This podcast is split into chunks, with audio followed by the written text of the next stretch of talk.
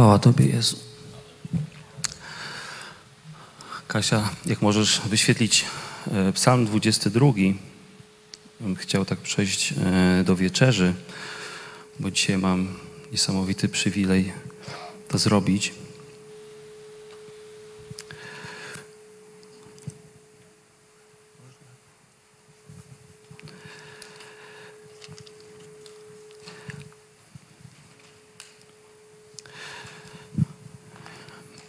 Ja jestem w szoku, że to tak naprawdę się stało. Dlatego, że e, my tak zwyczajnie do tego podchodzimy. Natura człowieka jest taka, żeby być religijnym, to, żeby, to znaczy, żeby żyć w jakimś schemacie. Nam jest wygodniej, wtedy czujemy się bezpieczniej. Natomiast niesamowite jest to, co e, o czym mówi Dawid w Psalmie 22. Niesamowita jest księga, którą mamy przed sobą. Słowo Boże to nie jest książka zwykła. To jest naprawdę list, tchnienie samego Boga do nas. I to są niesamowite proroctwa, w których tysiąc lat przed Chrystusem, tysiąc lat przed ukrzyżowaniem, Dawid prorokuje, jaką śmiercią zostanie zabity nasz Pan. To jest niesamowite, dlatego że pierwsze ukrzyżowania, jakie w ogóle miały miejsca, miały 500 lat później miejsca dopiero. O tyle niesamowite jest to jedno proroctwo, których jest w Biblii wiele. I chciałbym, abyś wyświetliła e, drugi werset.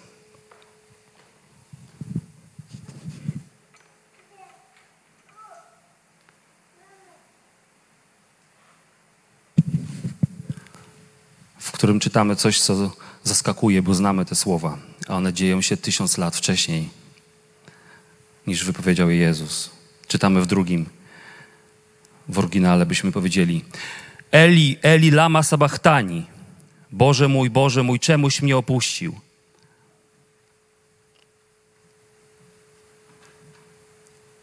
Dalej w ósmym.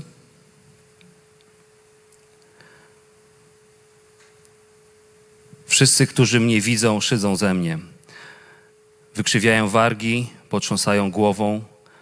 Zaufał Panu, niech, niechże go ratuje. Niech go wybawi, skoro go miłuje. W trzynastym. Otoczyło mnie mnóstwo cielców, obległy mnie byki baszanu, rozwarły na mnie swą paszczę. Jak lew, co szarpie i ryczy, rozlałem się jak woda i rozłączyły się wszystkie kości moje. Nie musisz dalej wyświetlać, bo ja tak będę skakał. Dalej czytam 22 psalm. I położyłeś mnie w prochu śmierci.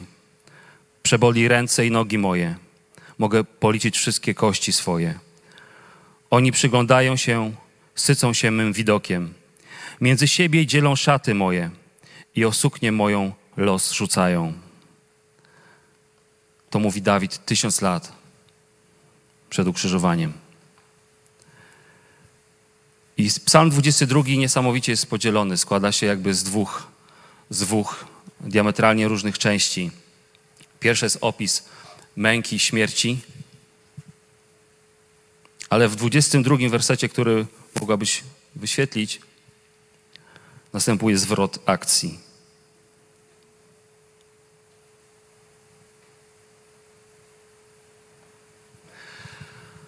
Podczas wołania, podczas Dawidowego wołania, ale tak naprawdę proroczego wołania Jezusa do, do Ojca, które opisuje Jego przeżycia, które, które mają miejsce na krzyżu, na Golgocie. W 22 wersecie, przez 22 wersety, widzimy de facto tak jakby sam Jezus w tym psalmie 22 wołał do Ojca, co wyraża, wyraża się potem w zasadzie w jednym zdaniu, jeśli to możliwe, możliwe, oddal ode mnie ten kielich. I tak w 22 wersetach widzimy cierpienie, które faktycznie miało miejsce, które, o którym prorokował Dawid tysiąc lat przed nim samym. Ale w 22 wersecie jest zwrot akcji. Duch Święty, czyli Duch Jezusa Chrystusa mówi: Ty odpowiedziałeś mi. I następna część, dalszy ciąg, aż do końca, do 32 wersetu tego psalmu, mówi o totalnym, zupełnym, pełnym wybawieniu.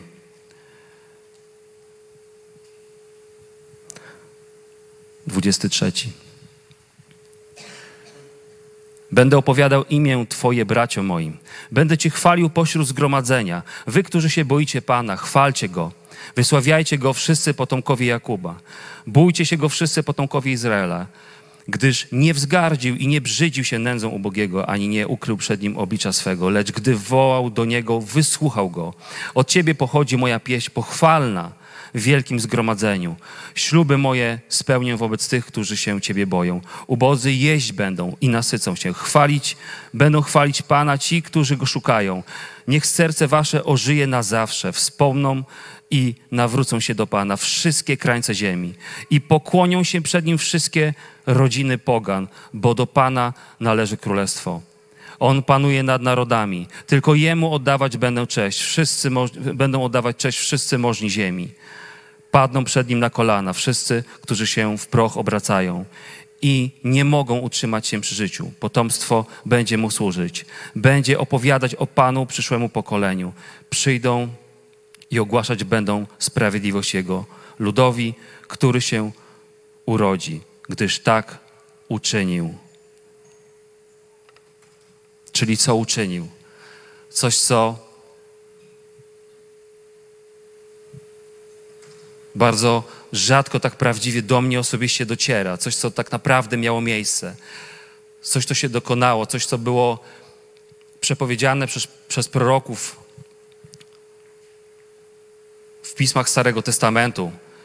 Coś, o czym mówi Izajasz w 53 rozdziale, że ranami Jego jesteśmy uleczeni. Coś, o czym prorokuje Dawid tysiąc lat przed ukrzyżowaniem. To jest męka, cierpienie i krzyż i zbawienie, o czym dalej mówi Psalm 22. I na pamiątkę tego będziemy oczywiście dzielić się chlebem.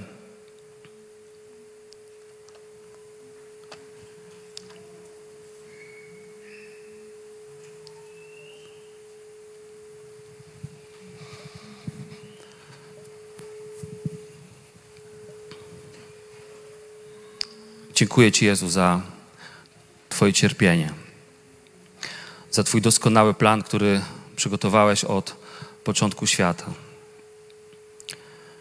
Dziękuję Ci, że złamałeś swoje ciało, że chciałeś je złamać, że podjąłeś tą decyzję.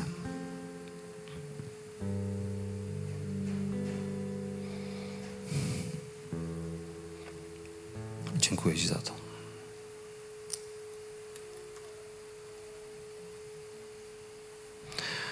I dziękuję Ci za Twoją krew sam chciałeś wylać. Abyśmy my byli zbawieni, aby ona mogła ciągle wołać za nas, aby mogła nas obmywać wiecznie. To jest doskonała ofiara Twoja za nas na krzyżu, raz jeden. Dziękuję Ci za to.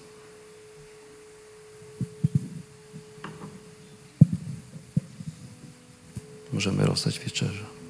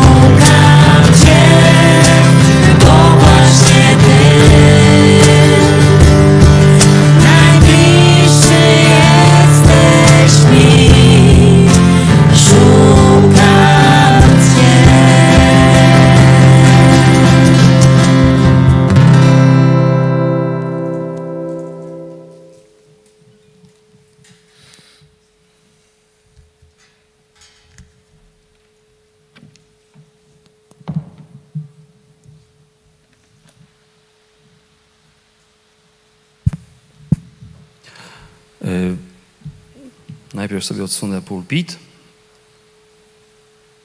Zaraz będzie świadectwo. Robert się zgłasza, ale ja odsunę sobie pulpit.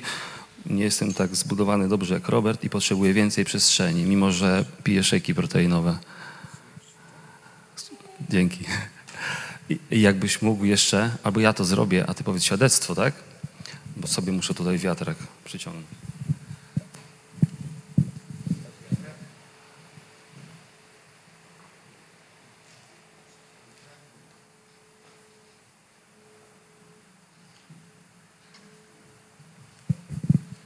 Chciałbym powiedzieć świadectwo, ale go jeszcze nie mam. Chciałem wam powiedzieć świadectwo mego brata rodzonego, ale go jeszcze nie mam, bo mój brat się jeszcze nie nawrócił, ale wierzę, że się nawróci i wyszedłem tu, żeby prosić was o wspólną modlitwę jego nawrócenie. Mój brat e, ma na imię Maciej, jest moim starszym rodzonym bratem i żyje w ciemności, w totalnej ciemności. Ja wierzę w moc modlitwy. Wierzę, że wiele może usilna modlitwa sprawiedliwego. Wy jesteście sprawiedliwością Bożą w Jezusie Chrystusie. My jesteśmy, tak? Amen. Jest jeszcze fragment, który mówi, że uwierz w Pana Jezusa, będziesz zbawiony ty i cały Twój dom. Tak? To jest Boża obietnica, ja w to wierzę. E, Gdzie jest Boguś? Boguś jest tutaj. Boguś jest, Boguś jest świetnym przykładem e, mocy modlitwy Kościoła w drodze do nawrócenia. Ja słyszałem to świadectwo. Bogdana mama o niego walczyła w modlitwie, Kościół o niego walczył w modlitwie. Boguś był w ciemności, teraz jest w światłości.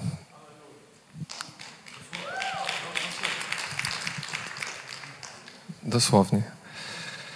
Em, Przyłączy się proszę do tej modlitwy. Wierzę, że, że, że Pan odpowie na to i, i dotknie go swoją mocą, dotknie mojego brata Maćka swoją mocą. Panie, stajemy przed Twoim świętym obliczem. Dobry Boże, święty Ojcze. My wiemy, że Twoja ręka, Panie, nie jest za krótka, aby dotknąć mojego brata, mojego brata Maćka, Panie. Proszę Cię, abyś go tam, gdzie on jest, dotknął go swoją potężną mocą, Panie. Wołam, abyś go dotknął w suwerenny sposób, Panie, jak dotknąłeś apostoła Pawła, abyś mu się objawił, abyś go dotknął mocą Ducha Świętego, abyś y, zerwał z niego wszelkie demoniczne sidła, Panie, abyś otworzył jego uszy naprawdę Jezusa Chrystusa, jego oczy, aby widział, w jakim zamieszaniu on jest, aby widział, że on potrzebuje wybawienia. Panie, dotknij go swoją potężną mocą, aby on się opamiętał z tej drogi, na której jest. Panie, dotknij się jego serca, wylej na, na to serce swoją miłość, swój Boży pokój, swoją radość, przyciągnij go, Panie. Postaw na jego drodze właściwych ludzi, który, którzy będą, Panie, głosili, którzy będą siali i Twoje słowo nie wraca puste i ono będzie wykonywało pracę. I on, Panie, powstanie z, tej, z tej ciemności i przyjdzie do Ciebie w imieniu Jezusa Chrystusa, jak gromie wszelkie demoniczne działanie nad moim bratem. Wszelkie demoniczne działanie ma teraz upaść w imieniu Jezusa Chrystusa. Wszelka ciemność, która je- jest nad nim, ma teraz upaść. Wszelka pycha ku poznaniu Boga, która jest w jego sercu, niech teraz upadnie w imieniu Jezusa Chrystusa. Halleluja, Panie. Halleluja, Panie. Dotknij go swoją mocą, Jezu. Dotknij go swoją mocą, Panie. Odbierz sobie chwałę z jego życia. Ja się sprzeciwiam wszelkiemu oporowi, żeby diabelskiemu, żeby powołanie nad życiem mego brata Maćka miało się nie wypełnić. Ono się wypełni w imieniu Jezusa. Wypełni się jego powołanie w imieniu Jezusa. Ogłaszam to. Halleluja, Panie. Dziękuję Ci za Kościół. Dziękuję Ci za, za moc modlitwy. Halleluja. Amen. Amen. Proszę Ciebie, abyś na drodze Macieja, Panie, stawiał odpowiednich ludzi, Twoich sług, posłusznych Tobie. Amen.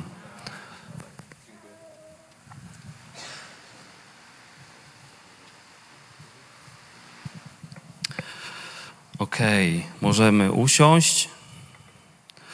E, muszę tutaj e, pewne tutaj schematy zachować. Tak. I dojść e, do ogłoszeń, które mam w mailu.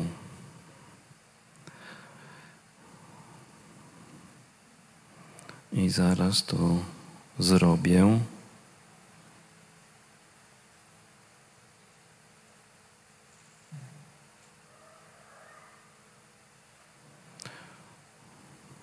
Ok. Chyba wszystkie pamiętam i mógłbym powiedzieć jakoś tak, ale nie chcę ominąć. Więc pozwólcie mi trochę ukraść czasu. Ok.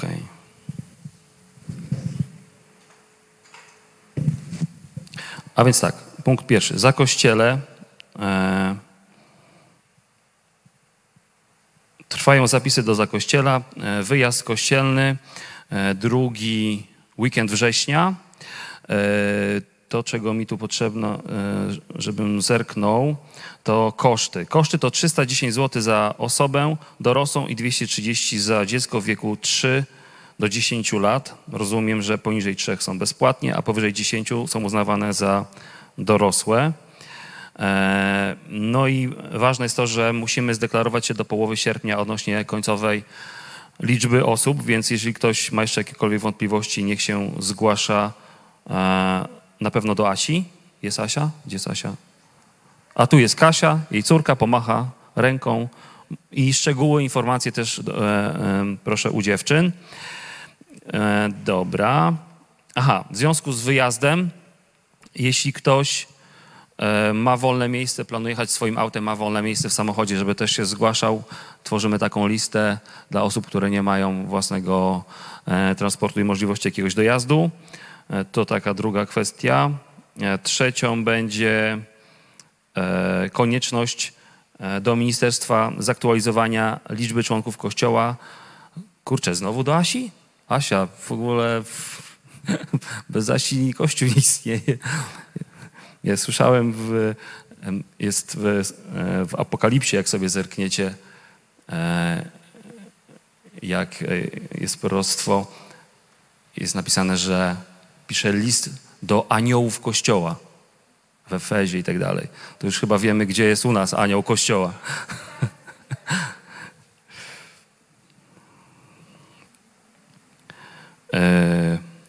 Znowu Asia.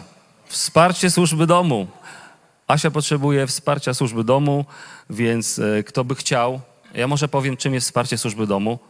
Można bliżej mi? Bobby, please, bliżej mi weź ten wiatrak, bo mi okulary parują, przepraszam. E, słuchajcie, ja jestem w kościele 21 lat. E, w różnych służbach uczestniczyłem. E, kiedyś to się nazywała służba porządkowa, która jakby na razie u nas... Za blisko, za blisko. Za blisko, nie chcę jak e, Marilyn Monroe wyglądać. Jeszcze, jeszcze trochę. Dobra. E, właśnie. I była taka kiedyś służba porządkowa. Słuchajcie, to jest... Je... Dzięki. Dalej troszkę. Dzięki. E, To jest jedna, słuchajcie, z najbardziej a, wdzięcznych służb. Dzisiaj ja bym ją nazwał, że to jest jakby kontynuacją tej służby, jest służba domu. Kiedyś to się nazywało służba porządkowa, bo byłeś wszędzie. Tak? To znaczy e, kościół był liczniejszy, e, część z nas e, nie byli to tylko mężczyźni. E, usługiwała przy pastorze, coś podając, e, witała gości i tak dalej, i tak dalej. Ja chcę powiedzieć, że to w trakcie nabożeństwa jest najbardziej, chyba poza, poza głoszeniem i uwielbieniem, wymierna, dająca się policzyć i namacalnie jakby zobaczyć jej owoce służba. Służba domu. O niej mało się mówi, albo o niej się w ogóle nie mówi, ale jest ważna. Czyli jeśli nie śpiewasz uwielbieniu, jeśli nie głosisz, idź do służby domu. Powiem wam, jak to było u mnie. Ja byłem w takiej służbie, wtedy zwanej porządkową, nie wiem, 10 lat, 8. E, bardzo sobie cenię siedzenie w pierwszym rzędzie. Wtedy tak chciałem i, i też była taka konieczność e, jakby usługiwania przez pastorze, jakiejś takiej pomocy organizacyjnej. Było nas jakby znacznie więcej osób. Ale pamiętam też moje takie najbardziej niewdzięczne miejsce, to jest gdzieś przy wyjściu to, co gdzieś e, mm, widziałem, że ma sens, nawet teraz, jak byliśmy w Szwajcarii gośćmi u, u Bena e, Stolca, e, dlatego że tam było takie prorocze słowo, że Jezus też by tak patrzył, że bardzo cenne jest to, kiedy masz w sobie coś takiego, kiedy patrzysz w kościele na drzwi. To jest taki wymiar duchowy, nie tylko rzeczywisty. Nawet było takie jest zdjęcie, kiedy na tej konferencji my wszyscy tam liderzy i pastorzy patrzymy się w jakąś jedną stronę. Jest takie zdjęcie dlatego że nam fizycznie kazano się odwrócić w kierunku drzwi, żeby jakby zobaczyć, jak to działa, że to jest zupełnie inny, inny priorytet tego, który my zazwyczaj znamy i lubimy, że my jesteśmy sfokusowani na pulpicie, o to w służbie domu, ale my, co polecam i zachęcam, żebyśmy byli sfokusowani na sobie tu w kościele, na nabożeństwie, na sobie, czyli na nas wychodzących wtedy, powiedzmy, z kościoła. Co to znaczy wychodzący z kościoła? Czy może mam jakiś problem? Ja pełniłem taką służbę przez wiele lat. Dlaczego niewdzięczną? Dlatego, że kościół był zupełnie inny, inaczej zbudowany, pomieszczenie, w którym funkcjonowaliśmy i będąc tam, czego Adaś jest tutaj świadkiem Pękala, który był jeszcze dłużej w tej służbie, e, nie byłeś na nabożeństwie absolutnie. O tyle, o ile u nas w tym momencie da się coś słyszeć przez drzwi albo tam jedną nogą być w środku, drugą na zewnątrz, o tyle nie dało się wtedy, nawet nie wiedziałeś, kiedy się zaczęło, kiedy się skończyło, ale byłeś na służbie. Dlaczego to było tak ważne? Ja powiem wam jeden przykład, jeden i sobie zo- zo- e, zobaczycie, jaka może być konsekwencja robienia tego przez 8 lat. Służby, pracy dla Kościoła w trakcie nabożeństwa, w służbie domu właśnie z Asią. Ja wtedy tam byłem 8 lat. Powiem wam jedno świadectwo, jedno świadectwo, a było ich bardzo dużo. E, zacznę je od tyłu, a mianowicie e, po iluś latach już w kościele, ja sobie jestem w tej służbie, wychodząc z kościoła z moją już wtedy rodziną, e, jakaś osoba ledwo mi znana, może z widzenia, rzuca mi się na szyję, że ja uratowałem jej życie. Ja ją kojarzyłem, przychodziła do kościoła kiedyś, potem gdzieś wyjechała i tak dalej. Ja jej i płaczę ze łzami, ja uratowałem jej życie. Ja w ogóle, ale o co chodzi? Ale co się stało? Ja w ogóle nic nie pamiętam, nic nie wiem. Jak, wiecie, jak się raczej ratuje komuś życie, to się pamięta, że się komuś uratowało życie. Ja nic takiego nie kojarzę. Do rzeczy, co miało miejsce. Słuchajcie, ja właśnie spełniąc taką oto właśnie służbę domu, akurat wówczas zorganizowaną właśnie tam. E, Rozmawiałem z dziewczyną, która gdzieś e, była na początku drogi nawrócenia, nie wiem, słowo ją na tyle gdzieś tam dotykało, poruszało jej wnętrze, że ona zaniepokojona jakoś tym, co się z nią dzieje, chciała w ogóle wyjść z kościoła, pomyślała, to nie miejsce dla mnie w ogóle. To, co się ze mną dzieje tutaj, zaczęła się, wiecie, jak na jakiejś takiej, nie wiem, terapii, coś w środku zaczęło się pękać w niej, dziać. I ja zamieniłem, wiecie, tam stoisz, modlisz się, tak jak w służbie domu. Wierzę, że przecież Asia się modli, prowadzą ludzi i są to tutaj, żeby służyć. Więc mówisz coś przez wiarę do takiej osoby, nie wiem, e, z Biblii, co ty myślisz, co Bóg i tak dalej. I słuchajcie, takie proste rozmowa, którą zacząłem potem kojarzyć, mogła trwać minutę. Minutę. Ja tej osobie coś zasiałem. Wiarę, swoje przeżycie z Jezusem, które miałem i tak dalej. Dziewczyna opuściła Warszawę, ona konsekwentnie poszła, wychodząc ze łzami, e, wyszła. Wróciła po latach, ale okazało się, że, okazało się, że wyjechała do szkoły biblijnej, do Szwecji, gdzie strasznie wzro- wzrosła w wierze i wiedziała, że początkiem jej totalnego przełomu, zmiany, myślenia, nawrócenia był ten moment. Ten moment. Bezsensownego Twojego stania przy drzwiach. Bezsensownego stania przy drzwiach. Gdzie nie ma Cię na nabożeństwie i niby nic nie robisz. Chciałbym zmieniać życie ludzi. Co Wy na to? Wchodzicie w to? Ratować ludzi fizycznie. Ostatnio taki aktor, ktoś mi to powiedział, mogę przekręcić wszystko, ale nie chodzi o to, chodzi o istotę. Powiedział, wyobraźcie sobie rok 2123, świat biegnie tam dalej, gdzie jesteś? No i on tam uzewnętrznia się, że cię nie ma i Nie ma sensu to, co robiłeś, być może i takie różne, wiecie, ludzkie, światowe po- podejścia do takich tematów. Nie wiem, do czego zmierzał. W każdym razie właśnie ma to ogromne znaczenie, co robiłeś te dziesiątki lat temu. Ma ogromne, pojedyncze znaczenie to, co robiłeś. I chcę wam powiedzieć, że ja was widzę, że wy to robicie. Chcę wam powiedzieć, że to ma potężne znaczenie, co wy robicie. Chyba skończyłem ogłoszenia, czy nie? Chyb- Jestem w ogłoszeniach? A mogę przejść płynnie dalej? Dobra. Ma to ogromne, ogromne znaczenie, co robimy. Ja jak tu przychodzę i widzę wasze uśmiechnięte buzie i rozświetlone twarze, to zawsze chcę, żeby Duch Święty mnie prowadził. Zdarza mi się to maksymalnie raz w roku i dobrze, bo to nie jest jakby łatwa kwestia, ale dziękuję za ten czas, bo to jest chyba najbardziej intensywny czas z Biblią w ręku, jaki można sobie wyobrazić. Jak ktoś głosił, to wie, co, co mam na myśli. I słuchajcie, to, co robimy poszczególni ludzie, to, co wy robicie, takie rzeczy, które wydawać by się mogły, nie miały znaczenia, nie mają znaczenia. Chcę wam powiedzieć, że mają potwornie ogromne znaczenie. I od razu na myśl oddaję Tobie Duchu Święty to, to, to słowo, mów przeze mnie. Niech to nie będę ja, a Ty w stu procentach. Niech to nie będzie opowieść o mnie. Więc widocznie tak ma być, że ta, e, to słowo idzie w tą stronę. Będziemy mówić o Jezusie. Cieszycie się? o Jego wielkich dziełach, które dzieją się przez nas. Kontynuując jakby ten tok myślowy, wychodząc płynnie z ogłoszeń, chcę wam powiedzieć e, jedną z takich historii bardzo prostych, ale która najbardziej mi utkwiła, jakby świadectw ludzi od nas z Kościoła. Oto jest sobie chłopak, który ma naście lat, pracuje u brata w firmie i jakby on nie jest bohaterem tej historii, ale zaraz zobaczycie o co mi chodzi. Przed nawróceniem oczywiście jako młody chłopak e, pracował tam i wiecie, człowiek ze świata, ten brat ze świata, jakby niewierzący ludzie, on coś tam chciał sprzedać, sobie dorobić i u tego brata pracował i miało to klientów, małżeństwo młode, które chciało coś kupić, on żeby tam trochę może bez faktury, coś, żeby on więcej zarobił i oni będą mieli taniej i tak dalej. Taka rozmowa trwa, mm, e, nie wiedzieć dlaczego ten klient upiera się, żeby to wszystko było zalegalizowane i tak dalej. Ten nasz jakby tutaj y, wtedy niewierzący człowiek się zastanawia, ale o co chodzi?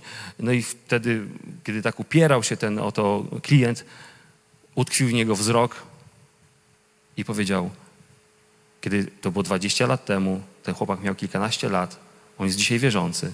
Klient do niego mówi w ten sposób. Czy ty naprawdę nie wiesz, że on umarł za ciebie na krzyżu? I coś pękło. Puh. To staranie się zarobienia, przekonania do swojego i tak dalej. Nagle niby obca osoba, która przypadkowo, wiecie, że u Boga nie ma przypadków, jest w tym czasie, w tym miejscu, u tego człowieka, w tym sklepie,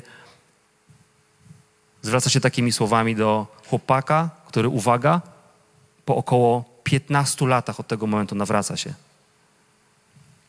Ale wiem na pewno, że przez te 15 lat niesie to, co się stało wtedy.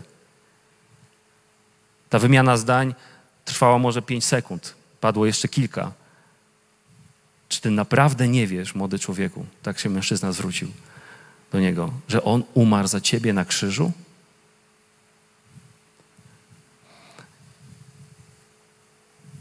I tak oto Bóg używa nas. Nawet nie wiemy kiedy, wydaje się, że to błahe. Nie wiem, czy ten człowiek o tym wie, że ma świadomość, że stworzył jednego z e, większych, jakby obecnie głoszących, których ja kojarzę. Ale właśnie tak się stało. I wiem, że używa też Was. Przypomnijcie sobie momenty w życiu Waszym, gdzie coś takiego zrobiliście od niechcenia. Coś, co dla Was obecnie może nie ma znaczenia Ja wam powiem jeszcze najświeższą taką moją historię. Chcę wam pokazać, jak Bóg nas używa mimowolnie. My tego nie wiemy nawet. Dopiero łącząc pewne fakty, zdajesz sobie sprawę, że zaraz, kurczę, to tak mogło wyglądać, o coś tu chodzi. Moja, moje wydarzenie z tych wakacji było bardzo biblijne w ogóle. To za- zacznę wam opowiadać, to zrozumiecie. Przez naszego tutaj obecnego przyjaciela kościelnego odkryłem e, Kamila, konkretnie Nowalskiego i jego wspaniałą żonę. O, odkryliśmy jedno z najfajniejszych w ogóle jezior w, w Polsce, które serdecznie polecam, nazywa się Serwy. E, I, I tam oto w tym roku też gdzieś e, byliśmy, korzystaliśmy z Kamila pomostu, a ja sobie lubię pływać. Wiecie, w, w rzece, bo to jest lepiej niż w basenie, bo basen jest na tyle krótki, że moż, możesz dostać czasami e, zakrętu w głowie, jak się odbijasz, a w jeziorze można sobie płynąć, co bardzo lubię, więc sobie tam pływam. No i oto taka sytuacja, że wiecie, ciężko orientację złap, złapać na jeziorze, jak płyniesz i nie wiesz gdzie. Nie masz punktu odniesienia. Nie możesz stać, o, o to tam i tam płynę. Więc płyniesz gdzieś, dopływam do jakiegoś pomostu z drugiej strony, no i tam byli ludzie, ja chciałem na tym pomoście coś, nie wiem, usiąść na chwilę, nabrać energii na drogę powrotną, no więc musiałem się tych ludzi zapytać, czy można i tak dalej. I nawiązała, wywiązała się rozmowa. Była tam młoda kobieta z dziećmi i jacyś tam ludzie jeszcze w oddaleniu. I słuchajcie, co ma miejsce. Dosłownie e, zaczynam jej głosić Ewangelię. Nieprzygotowany, nie wiem, nieobmodlony, e, z marszu albo bardziej z płynięcia, zaczynamy rozmawiać. Ona sama relacjonuje, mówi, że ona jest w ciężkim szoku, że to się stało. I przypomina mi się scena przy studni, dlatego że tam padły takie słowa. Podczas tej, tej rozmowy, słuchajcie, nad jeziorem Serwy w miejscowości Mołowiste padają takie słowa. Ja muszę pobiec do domu, wszystkim to opowiedzieć. Pamiętacie Jezusa przy studni? Ja muszę pobiec do, do domu, wszystkim to opowiedzieć. To była w miarę trochę tam wierząca osoba, więc jakby rozmowa się kleiła i tak dalej. Świadectwa, e, że Jezus ją kocha i tak dalej. Pomodliliśmy się razem i ona jakby w takim wręcz transie jak ta kobieta, która nie zważała na nic, nie miała, nie będziemy tego otwierać. Pamiętacie, ona nie zważała wówczas na nic. Ona żyła życiem zalęknionym, ona żyła życiem zamkniętym, dlatego że co ją otworzyło wówczas wtedy? Że Jezus tak naprawdę wiedział, kim ona jest. To życie nie było na pewno pełne jakiejś chwały i nie miała się czym chwalić, ale mimo to ona pobiegła, jak właśnie to miało miejsce wówczas, kiedy, kiedy, kiedy tam rozmawialiśmy i się modliliśmy. I chcę wam powiedzieć, że takie rzeczy się dzieją i dlatego jesteśmy nagrywani w ogóle, to idzie online. Właśnie mówię do, do ludzi na wakacjach i nas tu, że byliśmy albo będziemy na wakacjach, aby słuchajcie, żebyśmy jakby. Ja tak zawsze myślałem, że na wakacjach ja też muszę ewangelizować, ja też muszę coś robić, bo te wakacje w ogóle nie będą, nie, miały, nie będą miały sensu i w ogóle Boga nie ma na wakacjach, jestem w grzechu, bo jestem na wakacjach. Kto tak miał? Ja tak miałem. A jeszcze 10 lat temu to miałem bardzo. Kurde, jestem na wakacjach, jestem na wakacjach, Boże, Boże, komu tu, komu, co, jakby ten, jakby, o matko, o matko, komu coś powiedzieć. Odpuść. Odpuść, to działa. Bóg żyje, Duch Święty jest obecny i On nas będzie prowadził. Wiecie, to tak, taka przypowieść Michała Wolińskiego. Wyobraźcie sobie garnek, który wie, gdzie chce iść. Straszne, nie? Jak to? Miałeś tutaj stać. On nagle wstaje, on wie, gdzie chce iść. Stój tutaj. Masz być pustym garnkiem, stać w tym miejscu. I trochę tak z nami jest, tak było ze mną. Ja chcę być garnkiem, jak Biblia mówi, jesteśmy naczyniami to brudnymi. I nagle ten garnek wstał i ja wiem, co chcę robić. A wszyscy w szoku, jak to? Masz tam stać. I właśnie mamy tak stać, ale być tym garnkiem. Co to znaczy? On jest pusty i gotowy. Może brudny, może nieszlachetny. Upodobał sobie Bóg to, co marne w oczach tego świata. To jestem ja. Kto się widzi, może pomachać ręką. To, co marne w oczach tego świata. Czasami narzekamy na nasz wspaniały Kościół, na Kościół w ogóle przez duże K. A bo tam, tam są tacy ludzie, tacy ludzie, tacy ludzie. A ten to, a ten mi zrobił tamto, a Woliński. Ale o mnie Biblia mówi, upodobał sobie Bóg to, co jakie? Marne w oczach tego świata. Ej, jak idziesz do szpitala, czy, czy tam są zdrowi ludzie? No nie. No i właśnie oto jesteśmy na wakacjach takim garnkiem. ale żebyśmy nie decydowali my, gdzie idziemy. Bądźmy tym garnkiem, po prostu bądźmy. Ja będąc takim garnkiem, jak sobie uświadomiłem to, co miało miejsce, bo się wydawało takie zwyczajne, ale być może, a wiem, że u Boga nie ma przypadków i Biblia mówi, że mnie prześladowali, was prześladować będą. Ale za tym idzie zaraz obietnica, jak to zawsze u Boga jest w słowie. Ale słowa moje zachowali i wasze zachowają. Więc wiem na pewno, że ta osoba nie dlatego, że ja byłem świetny i mokry, tylko zaniosła to słowo do domu. Zaniosła to słowo do domu. I zobaczcie, nic się nie, nie, nie działo. Jakieś słuchałem takiego e, słowa, które jest bardzo ważne i pożyteczne, i, i wspomnę o tym, że a, nie wiem, czy to wspominałem, że Jezus miał wiarę symultaniczną. S- Zrobię tutaj trochę recover tego słowa. E, O co chodzi z wiarą symultaniczną? Bardzo mi się to podobało, bo to jest bardzo prawdziwe. A mianowicie, że żebyśmy tacy byli, że ta wiara jest w nas. Derek Prince powiedział, że wiara to charakter. Wiemy, że przez Ducha Świętego Bóg może zmieniać charakter. To znaczy, że my pracując gdzieś w domu nad swoją wiarą, czytając Słowo, ono nas czyta, my czytamy je, ono nas przemienia. Duch Święty, który napisał to, On w nas się wlewa. Słuchajcie, jak ja się nawróciłem, ja pamiętam e, taki moment, mieszkałem sobie w akademiku, może o tym nigdy nie mówiłem, to powiem, że e, jako jedyny miałem uchylone w wakacje w jakiś tam zwykły dzień drzwi i akurat chodzili studenci z taką gazetą Płyń pod prąd i ją rozdawali, a pół, e, miesiąc około później chodzili i pytali się, kto ją czytał, tam z was studentów i co wiecie tam, o, to, co chcecie porozmawiać. Więc ja rozmawiałem, e, jako jedyny chyba byłem w tym akademiku, jako jedyny, wiecie, taki przypadek Boży. Rozmawiałem z studentami, jeden z tych chłopaków był ze Spichlerza, o którym nie miałem bladego pojęcia, że taki w ogóle coś istnieje.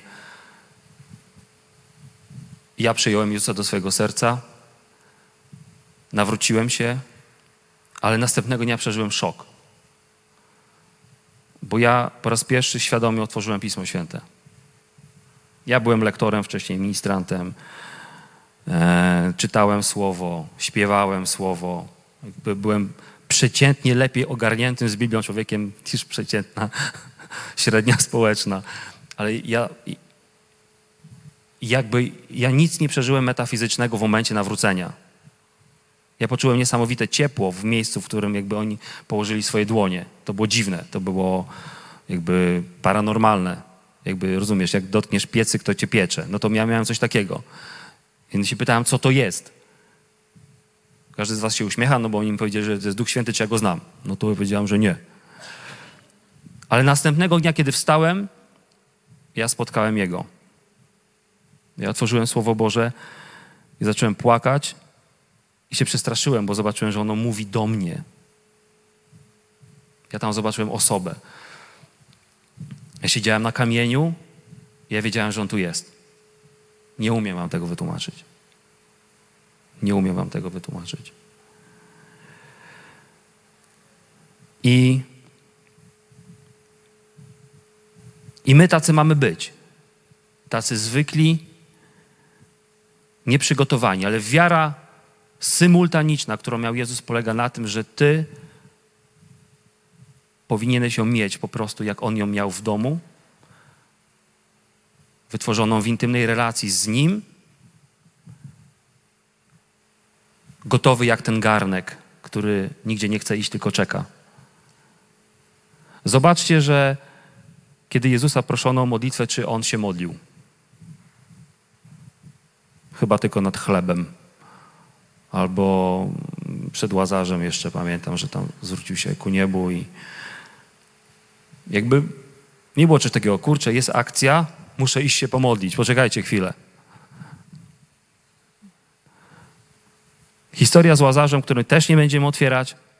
Ja tu mam jakieś przygotowane wersety, nie wiem w ogóle, czy do nich dojdę, bo to są jakieś, więc jakby Duch Święty niech prowadzi. Pamiętacie historię z Łazarzem? Zobaczcie, że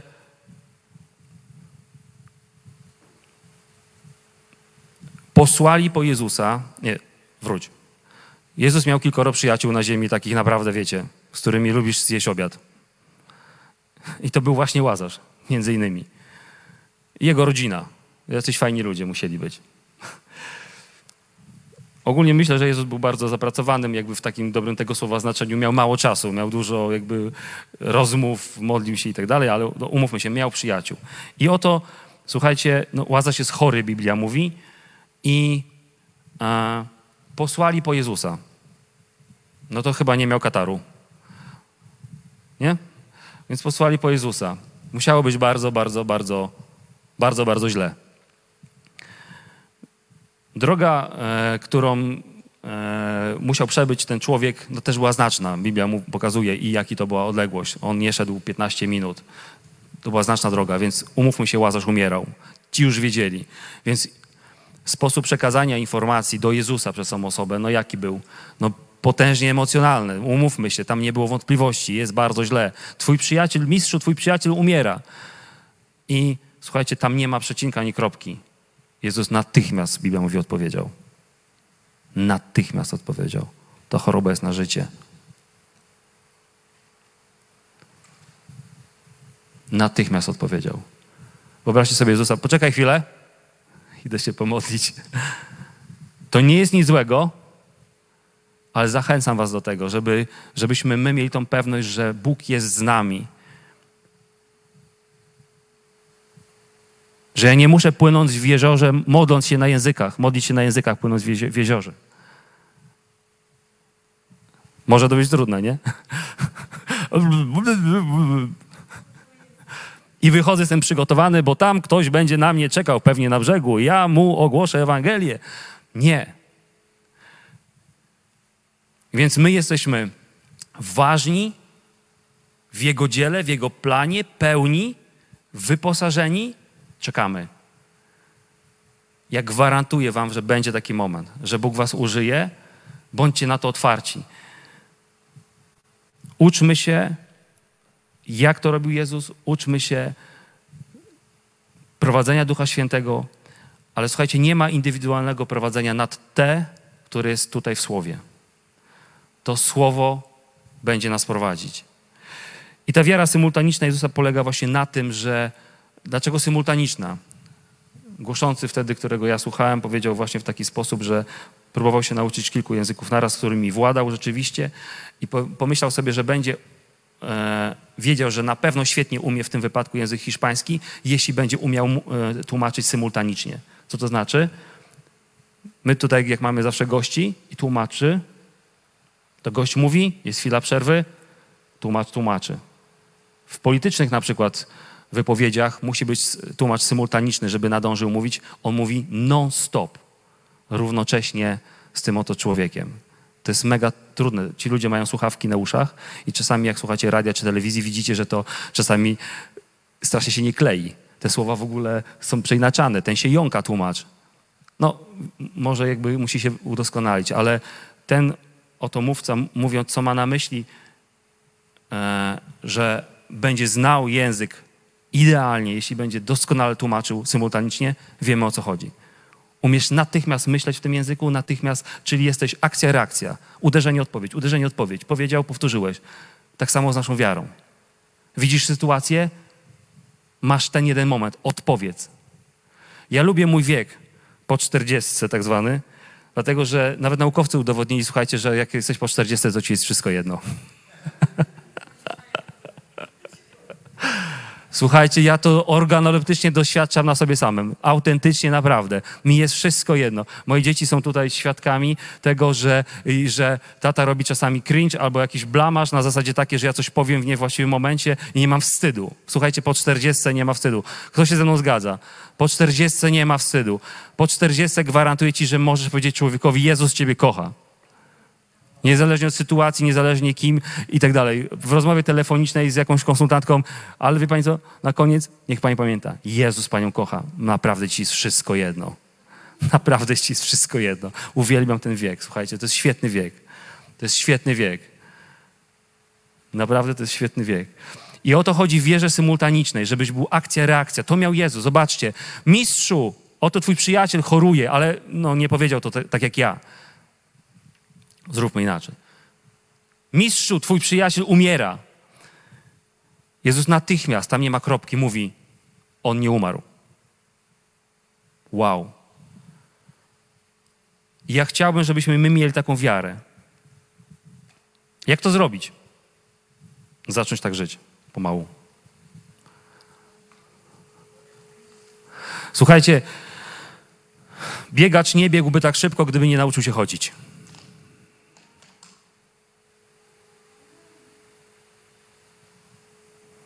Najpierw ktoś go trzymał za rękę.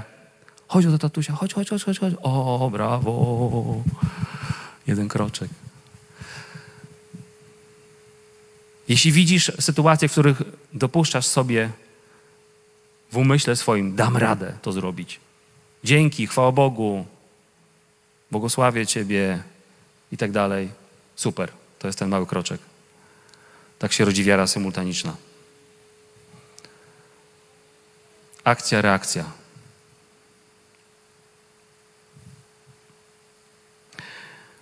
No, więc o wakacjach. Pozdrawiamy wszystkich na wakacjach, którzy, którzy są, którzy myślą, Boże mój, co tu dzisiaj zrobić, żeby ogłosić komuś Ewangelię, bądź jak garnek. Czekaj. Wypełniony Duchem Świętym, czekaj. Rób kroki małe, te pierwsze małe kroczki. Zobaczysz, że Bóg Cię będzie używał. Zobaczysz w najmniej spodziewanym momencie. Przepłynie się jezioro i będziesz głosił.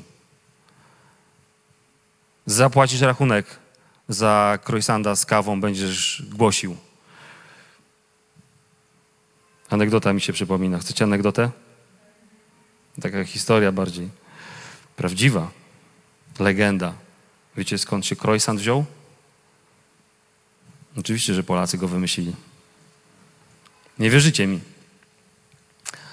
Jesteśmy wspaniałym narodem, słuchajcie, ale tutaj mówiąc wspaniałym narodem, mam na myśli też naszych braci Ukraińców, Białorusinów i Litwinów, bo wtedy byliśmy jednym wspólnym narodem. Jesteśmy wspaniałymi ludźmi, o których już wielokrotnie mówiłem. Słuchaj, zapamiętaj z tej historii, tej anegdoty jedną rzecz. Jesteś wyjątkowy, możesz to powtórzyć. Jestem wyjątkowy, wyjątkowa. Jest sobie rok 1683. Jest taki facet, który nazywa Kara Mustafa i postanowił najechać całą Europę i zrobić ją muzułmańską. No i jak myślicie, kto się temu przeciwstawił? No Polacy. No Polacy. Znaczy Polacy, czyli my. Rzeczpospolita obojga narodów, a w tym właśnie Litwini, Ukraińcy, Białorusini. Jeden naród, jedna rodzina, bracia. No i słuchajcie, no i król Jan III Sobieski pojechał.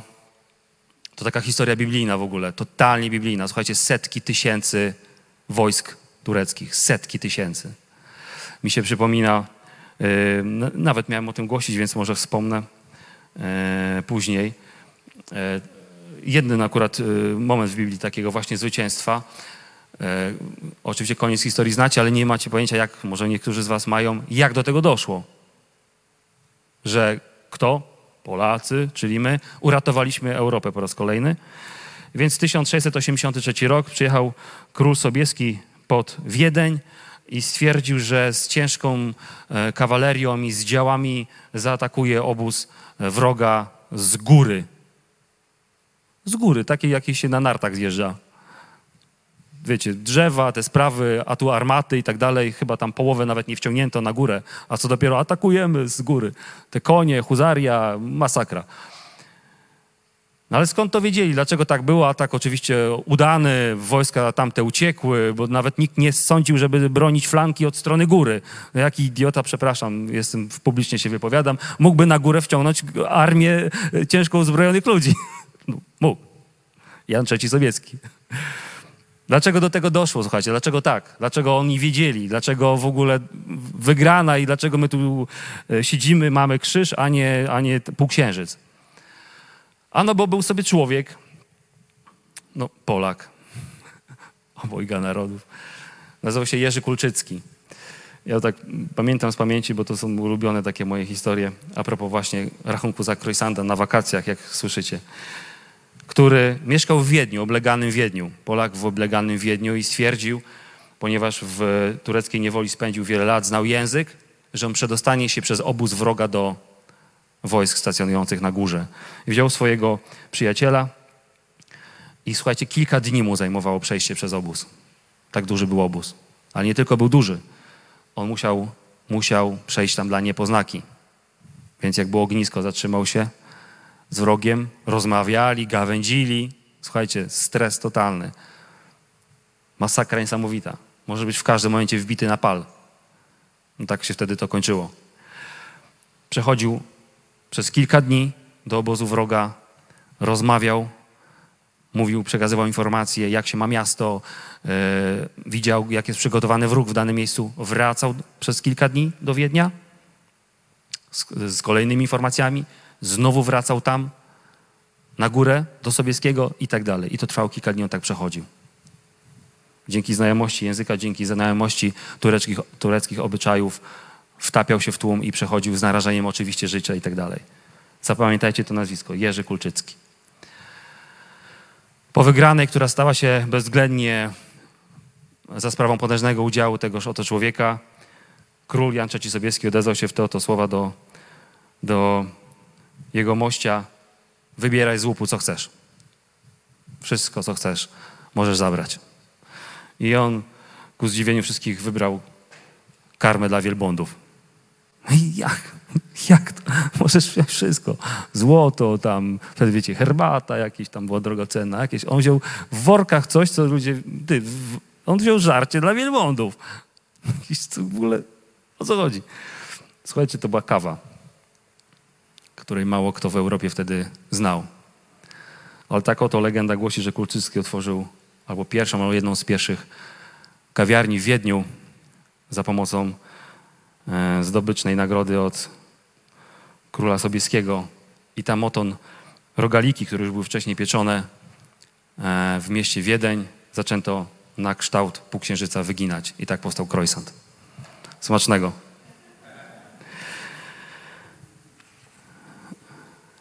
Słucham?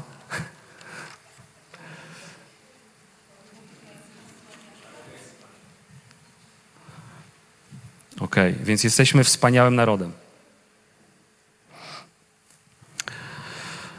E... O kurczę. O matko. Wam też tak czas tutaj szybko leci? Ja nie mogę. Ja nie mogę. Słuchajcie, ogólnie jakby nie zrozumcie mnie źle, bo ja muszę szybko przejść, bo też miałem znaczną część o, o słowa o, o kolekcie, jak to ja, ale e, to wszystko, co chcę tu powiedzieć, możecie, jak robi ktoś notatki albo sobie zapisuje plik dźwiękowy w smartfonie, zapiszcie to, czy opłaca się ufać Bogu. Już po części odpowiedzieliśmy sobie tutaj na to pytanie i przy wieczerzy. Czy opłaca się ufać Bogu? No bo tak niby nic się nie wydarza. Niby tylko służę przy drzwiach. Niby tylko komuś odpowiedziałem, kupując e, samochód, czy ty wiesz, że Jezus za ciebie umarł? A za 15 lat ten człowiek staje się ewangelistą. Ten, który usłyszał te słowa. Przez którego ręce dokonywały się i dokonują cuda, których ja, nie wiem, z, z jakichś książek tylko słyszałem. Jedno zdanie. Czy ty nie wiesz, że Jezus za ciebie umarł? Więc wakacje pamiętajmy o tym.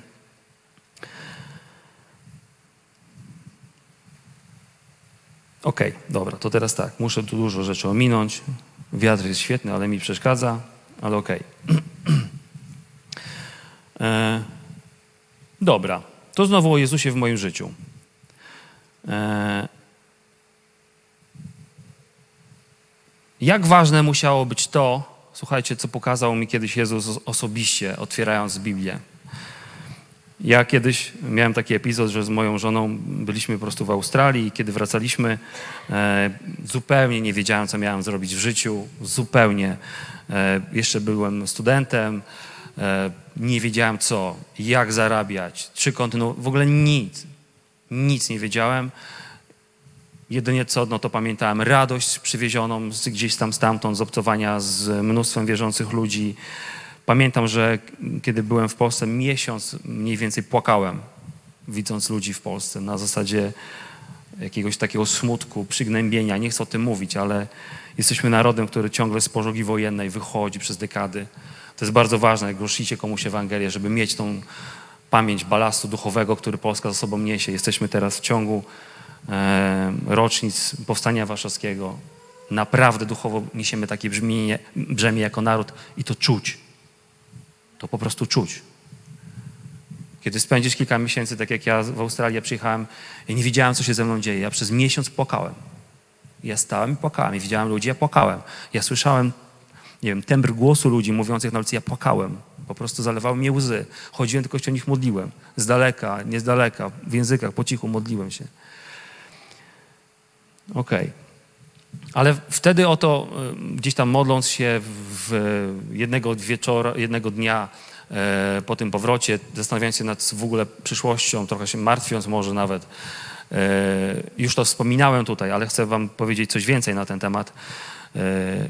Słuchajcie, ja siedząc na kanapie, to nie był sen, miałem zamknięte oczy, taki słuchając uwielbienia Michaela W. Smitha, zobaczyłem przed sobą otwartą Biblię.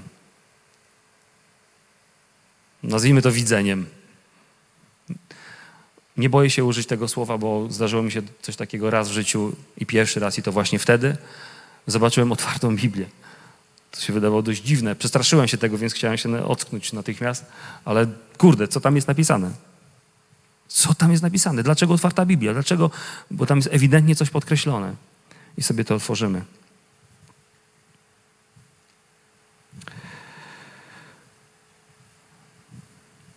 Jak ważne musi być coś, co Bóg ci pokazuje osobiście w taki sposób. Ważne czy nie? Ważne. Wydaje mi się piorunująco ważne, dlatego nad moim lękiem zwyciężyła ciekawość.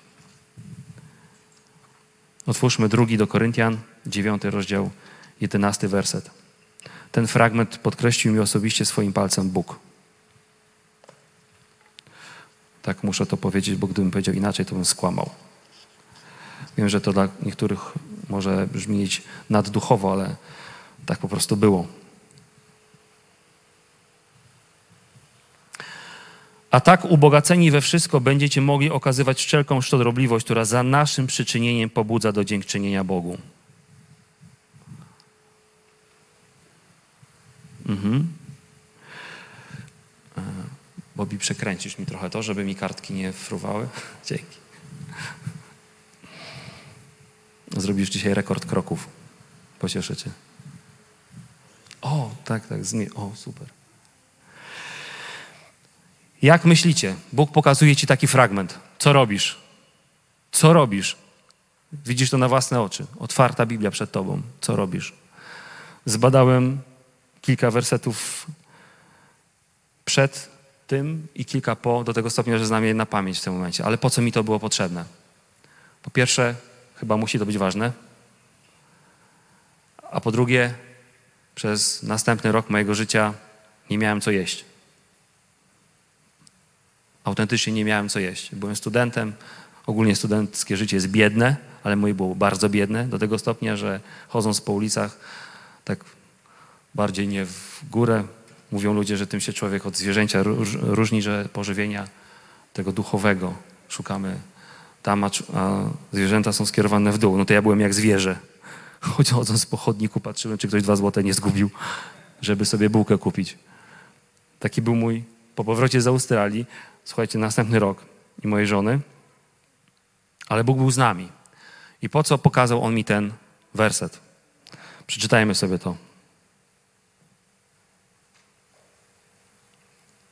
Od ósmego. Kasiu, poproszę.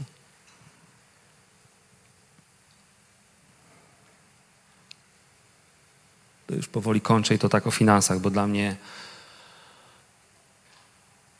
to słowo jest jednym z kulejących objawień w Kościele. Znaczy ono jest, ono się powtarza, ono funkcjonuje, ale uważam, że jest mega ważne. I zaraz do tego dojdziemy dlaczego. Przeczytajmy od ósmego. A władny jest Bóg udzielić, powiedz mi. A władny jest Bóg udzielić mi obficie wszelkiej łaski, abym mając zawsze wszystkiego pod dostatkiem mógł hojnie łożyć na wszelką dobrą sprawę. Jak napisano, że rozdaje, udziela ubogim, sprawiedliwość jego trwa na wieki. A ten, który daje ziarno siewcy i chleb na pokarm, daje i pomnoży zasiew wasz i przysporzy owoców sprawiedliwości waszej.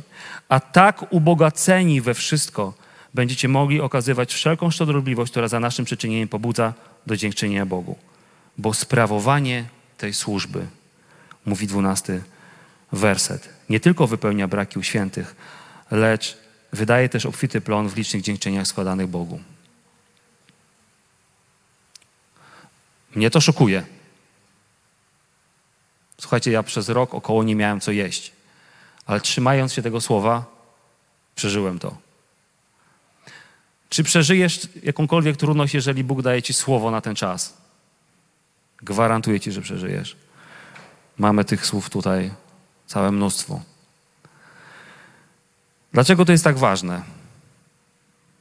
Dlatego, że sobie otworzymy teraz Mateusza, zaraz do tego wrócimy.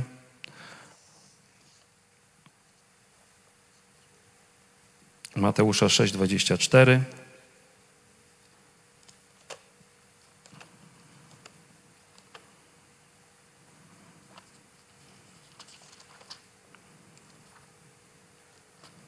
To trzeba tu po prostu szybko tak mówić, Bobby, tak?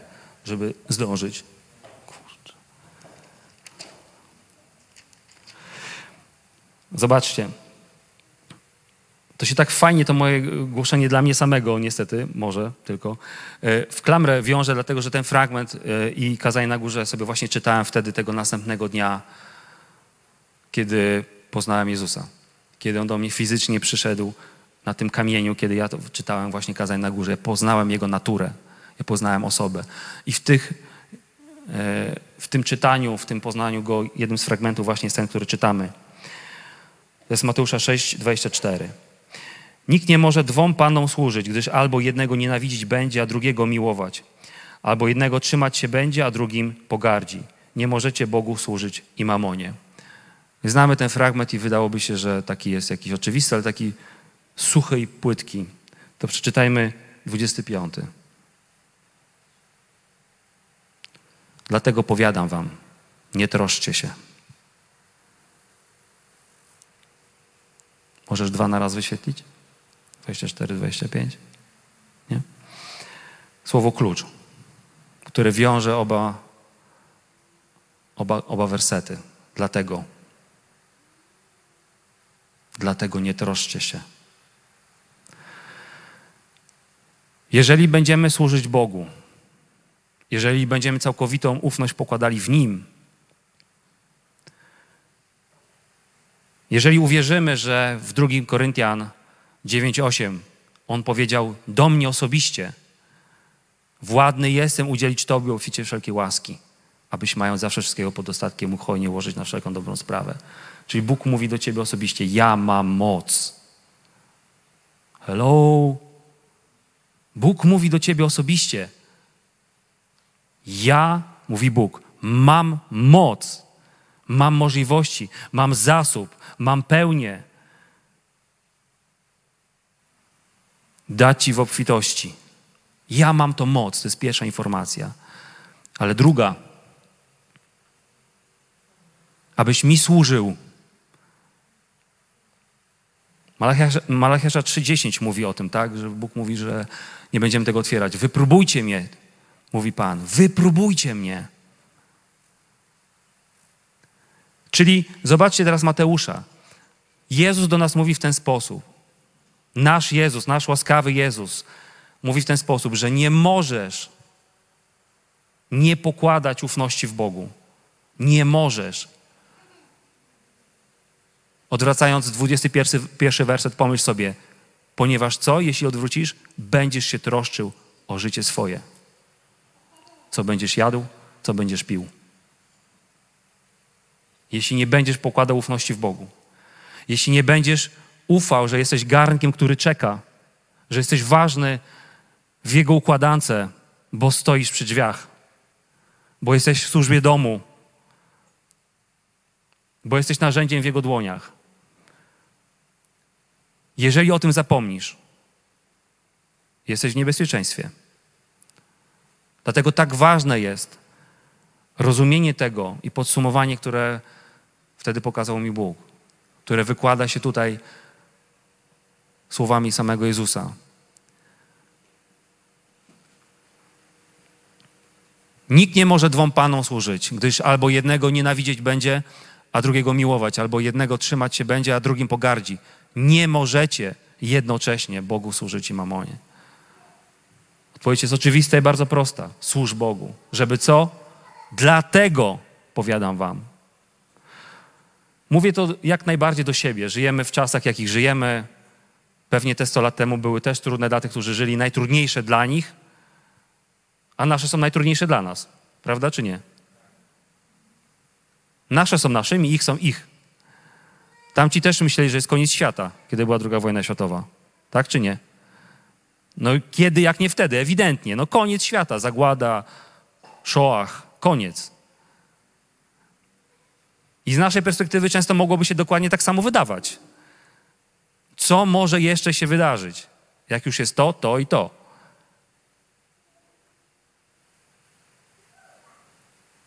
Mówię to do nas wszystkich. Jak się nie troszczyć? Jak się nie zamartwiać? Jak nie troszczyć się o życie swoje, o to, co będę jadł, co będę pił, o ciało swoje, zdrowie, w co się będę ubierał? Jak to zrobić? Zaufaj mi. Służ tylko mi. Mam cztery minuty do końca, chcę wam bohatera z Biblii pokazać, który to zrobił. Zaskakujący bohater. Ja o nim mało bardzo wiedziałem, aż w toku czytania po prostu gdzieś tam e, kiedyś na niego natrafiłem i, i mi tak ostatnio utkwił. Mm. Oto jest sobie chyba trzeci król po Dawidzie. Trzeci król po Dawidzie. I zrozumiecie tą klamrę, którą nazwałem ogólnie, czy opłaca się ufać Bogu? Tym, co teraz przeczytam. Możesz, Kasiu, otworzyć, to jest druga księga kronik, czternasty werset, e, czternasty rozdział, przepraszam, pierwszy werset. Oto jest człowiek, starotestamentowy człowiek, król z pokolenia e, Dawida, który robił oto tak. Asa zaś czynił to, co dobre i słuszne w oczach Pana, jego Boga. Usunął obce ołtarze i świątynki na wzgórzach, potrzaskał słupy i powycinał święte gaje i nakazał Judejczykom, aby szukali Pana Boga swoich ojców, wypełniali zakon i przykazania. Usunął ze wszystkich miast judzkich świątynki na wzgórzach i ołtarze do kadzenia. Pod jego władzą królestwo miało spokój. Jak my byśmy chcieli ten spokój? Dlaczego miało spokój? Jak myślicie? Ano możemy przeczytać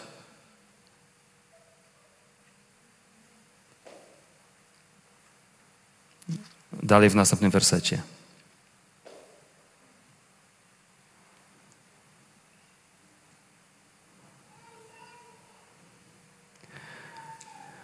Niech to będzie, bo mamy malutko czasu, ósmy. Kasiu, 14,8. Przeskoczyłem troszeczkę. Mam nadzieję, że to będzie miało sens logiczny. Przeciwko Asafowi, mimo że chodził z Bogiem, służył Bogu, wypełniał przykazania, usunął bałwochwalcze świątynki i tak dalej, to tak jak mówi przypowieść nowotestamentalna, fale uderzą w dom. Nie niektóry, każdy. Pytanie, jak ten dom zareaguje. Tak samo w życiu Asafa. Nie Asafa, tylko Asy. W ósmym rozdziale, e, wersecie. Przeciwko nim wyruszył Zerach Kuszyta z wojskiem liczącym milion żołnierzy. Widzicie to? Słuchajcie, żebyśmy sobie. Liczby, Bobby. Liczby.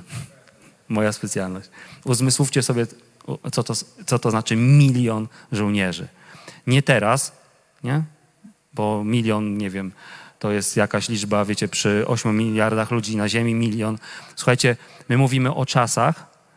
Jeśli Dawid e, prokował to, co ja mówiłem przy wieczerzy, tysiąc lat przed Chrystusem, to trzeci, w, na, w trzecim pokoleniu niewiele więcej się zmieniło, więc tysiąc lat około przed Chrystusem, słuchajcie, Ziemię zamieszkiwało około 100 milionów ludzi według naukowców.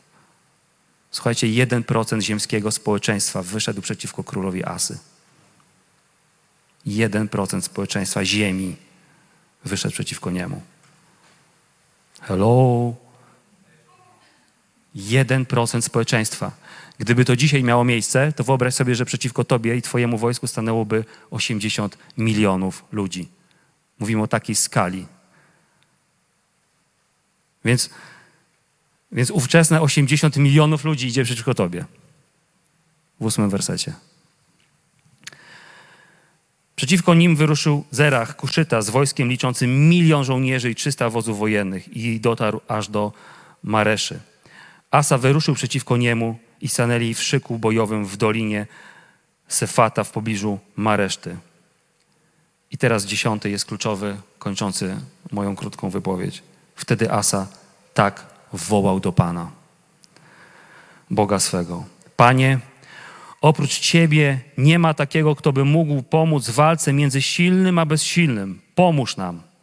Panie Boże nasz, bo na Tobie się oparliśmy i w imieniu Twoim wyruszyliśmy przeciwko tej gromadzie. Panie, Tyś Bogiem naszym, niech Ci nie sprosta człowiek. Jedenasty. Pan pobił tedy Kuszytów wobec Asy i wobec Judejczyków i Kuszyci zaczęli uciekać. Ale Asa i lud zbrojny, który był z nim, puścili się za nimi w pogoń aż do Gerar i padło od Kuszytów tylu, że nikt nie pozostał przy życiu. Szok. Ja, ja w takich momentach ja rozumiem, dlaczego było wielożeństwo wtedy. Słuchajcie, kilka stron wcześniej e, w potyczce zginęło 500 tysięcy mężczyzn. Jak to zginęło milion, wtedy było 100 milionów ludzi, 50 milionów to mężczyźni. Ówczesna tradycja kazała wziąć, jeśli e, mąż umarł, to był twój brat, weź sobie za żonę jego, e, jego żonę i tak dalej. Jakby wiecie, kobieta bez mężczyzny w tamtych czasach to równa się śmierć. Z głodu, etc. Jeśli ginie milion ludzi. Ale dlaczego?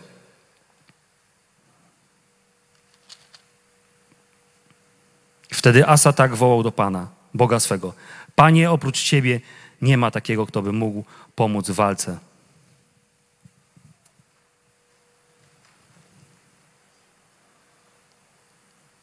To jest niesamowite. I dlatego mi opłaca się ufać i wierzyć Bogu.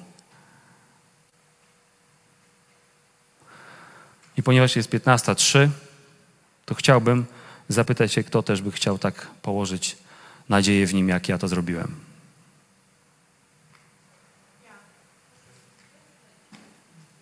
Wszyscy. A jeśli tego nigdy nie zrobiłeś, podejdź, pomodlimy się. Proszę, Bobby Madzia, zagrajcie. A ja chciałbym się pomodlić właśnie o tych, którzy chcecie zupełnie zaufać Bogu, którzy chcecie polegać we wszystkim na Nim, którzy wiecie, że to Jego zwycięstwo, kiedy pobił milion przeciwko Tobie stających. On ma moc udzielić Tobie oficie wszelkiej łaski. On jest mocny udzielić Tobie wszelkie łaski. On jest mocny pobić milion przeciwko Tobie. On jest mocny sprowadzić przypadkową osobę na drugą stronę jeziora. On jest mocny, żeby użyć Ciebie garnka, który stoisz i czekasz. Jesteś wyjątkowy, bo Duch Święty jest w Tobie. Jesteś wyjątkowa. Nie jesteś tu przypadkowo. Twoje życie nie jest przypadkowe. Nie żyjesz przypadkowo w Polsce w XXI wieku. Bóg to doskonale zaplanował. Słowo Boże mówi, że On znał Twoje imię przed założeniem świata. Słuchajcie, ja uwielbiam Polskę. Po wizycie na Serwy byliśmy e, w nieodkrytym Olsztynie. Każdy jeździ za granicę. Niesamowite miejsce. I tam jest obserwatorium astronomiczne i planetarium. W obserwatorium możesz zobaczyć gołym okiem słońce, co Galileusz próbował, dlatego zmarł ślepy. Tam może zrobić to bezpiecznie. I naprawdę widzisz słońce i jego plamy. Ale dot- dotknęła mnie, możecie grać właśnie. Dotknęła mnie niesamowita. A, a znacie tą piosenkę, tą e, Billion e, Hillsonga, Billion e, Times? I, jak, So Will I, to jest po angielsku tytuł, ja nie wiem jak jest po polsku. Nie- Okej. Bardzo mi pasuje do tego, co chcę, czym chcę zakończyć. Słuchajcie, jesteśmy w Olsztynie, jest planetarium. Za granicą tysiące ludzi by się tam tłoczyło, było nas pięć osób w pomieszczeniu pięcio, czterokrotnie większym od tego. Potężny nieboskłon nad nami. I tam oto fajnie człowiek prowadzący w ciemności zupełnie pokazuje wszechświat. Ja już kiedyś mówiłem tutaj, że naukowcy dokonali obliczeń e, na wiecznie zadawane przez ludzkość pytanie, czegoś, jest więcej, czy gwiazd, czy piasku, ziaren piasku na, na Ziemi. Pamiętacie, jak to mówiłem rok temu? Nie pamiętacie. Naukowcy to obliczyli, słuchajcie. Wyobraźcie sobie, że gwiazd, takich jak Słońce we wszechświecie, naukowcy podkreślają, widzialnym wszechświecie, gdzie człowiek dostrzegł to przez aparaturę, jest piętnastokrotnie więcej niż ziaren piasku. Piętnastokrotnie więcej. Piętnastokrotnie więcej. I tam zera tej liczby, kilkadziesiąt zer, ile jest tych gwiazd. Słuchajcie, ja to widziałem w Olsztynie. Możesz w planetarium w Olsztynie zobaczyć to. Tam przenosisz się w takim jakby trójwymiarze z prędkością miliard, miliardy razy szybszą niż prędkość światła, jakby w takiej symulacji. I oto pokazał nam ten naukowiec, że my żyjąc w naszej galaktyce, jak patrzysz na, na nieboskłon, widzisz tylko grupkę gwiazd, to tak jakbyś widział e, światła swojej ulicy na przedmieściach Warszawy. My, powiedział, że żartobliwie, my wszyscy jesteśmy ze wsi, dlatego że jesteśmy tylko na granicach naszej galaktyki. I tak się nagle w ciągu ułamku sekundy cofnęliśmy, widząc ją z perspektywy. Okazało się, że jest tak gigantyczna. I zaczęliśmy się jeszcze oddalać, oddalać, oddalać, widzieć, widząc miliardy gwiazd, setki miliardy gwiazd w naszej tylko galaktyce. W naszej tylko galaktyce. I zaczęliśmy pędzić jeszcze szybciej, jeszcze szybciej. Miliardy, miliardy kilometrów na sekundę. I okazało się, że nasza galaktyka z tymi miliardami gwiazd zaczęła wyglądać Porównam taką perspektywę, jakbyś dzisiaj patrzył z tego miejsca w Warszawie na ziarnko piasku, które leży w Kanadzie. Tak zaczęła wyglądać nasza galaktyka. A wśród nich inne miliardy galaktyk.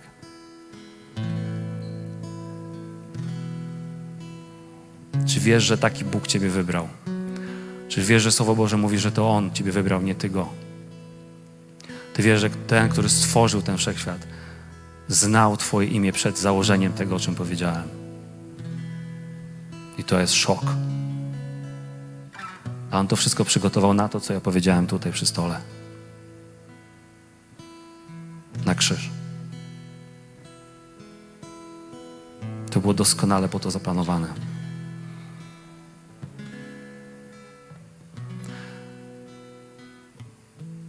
Chodź, pomódlmy się.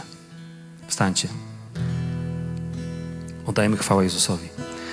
Jeżeli chcesz przyjąć Stwórcę Wszechświata do swojego serca, jeżeli chcesz, aby On odmienił Twoje życie, zrób krok wiary.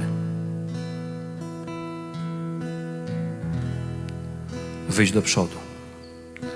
Wejdź do wody. Zacznij płynąć. Ja Ci gwarantuję, że na drugim brzegu ktoś czeka.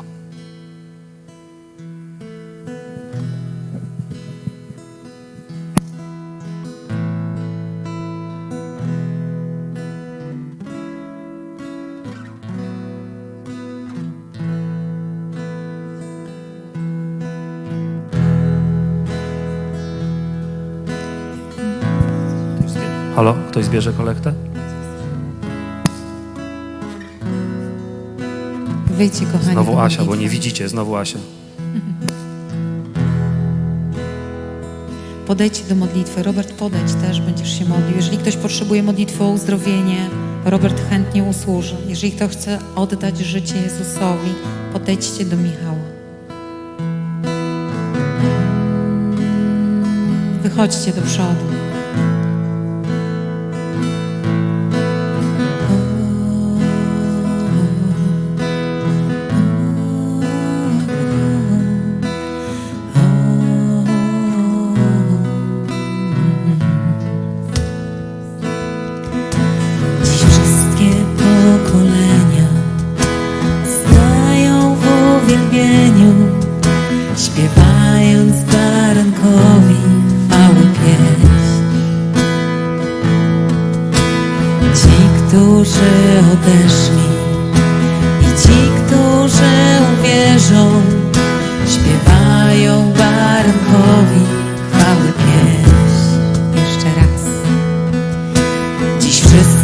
pokolenia stają w uwielbieniu, śpiewając barankowi chwały pieśń. Ci, którzy odeszli i ci, którzy uwierzą,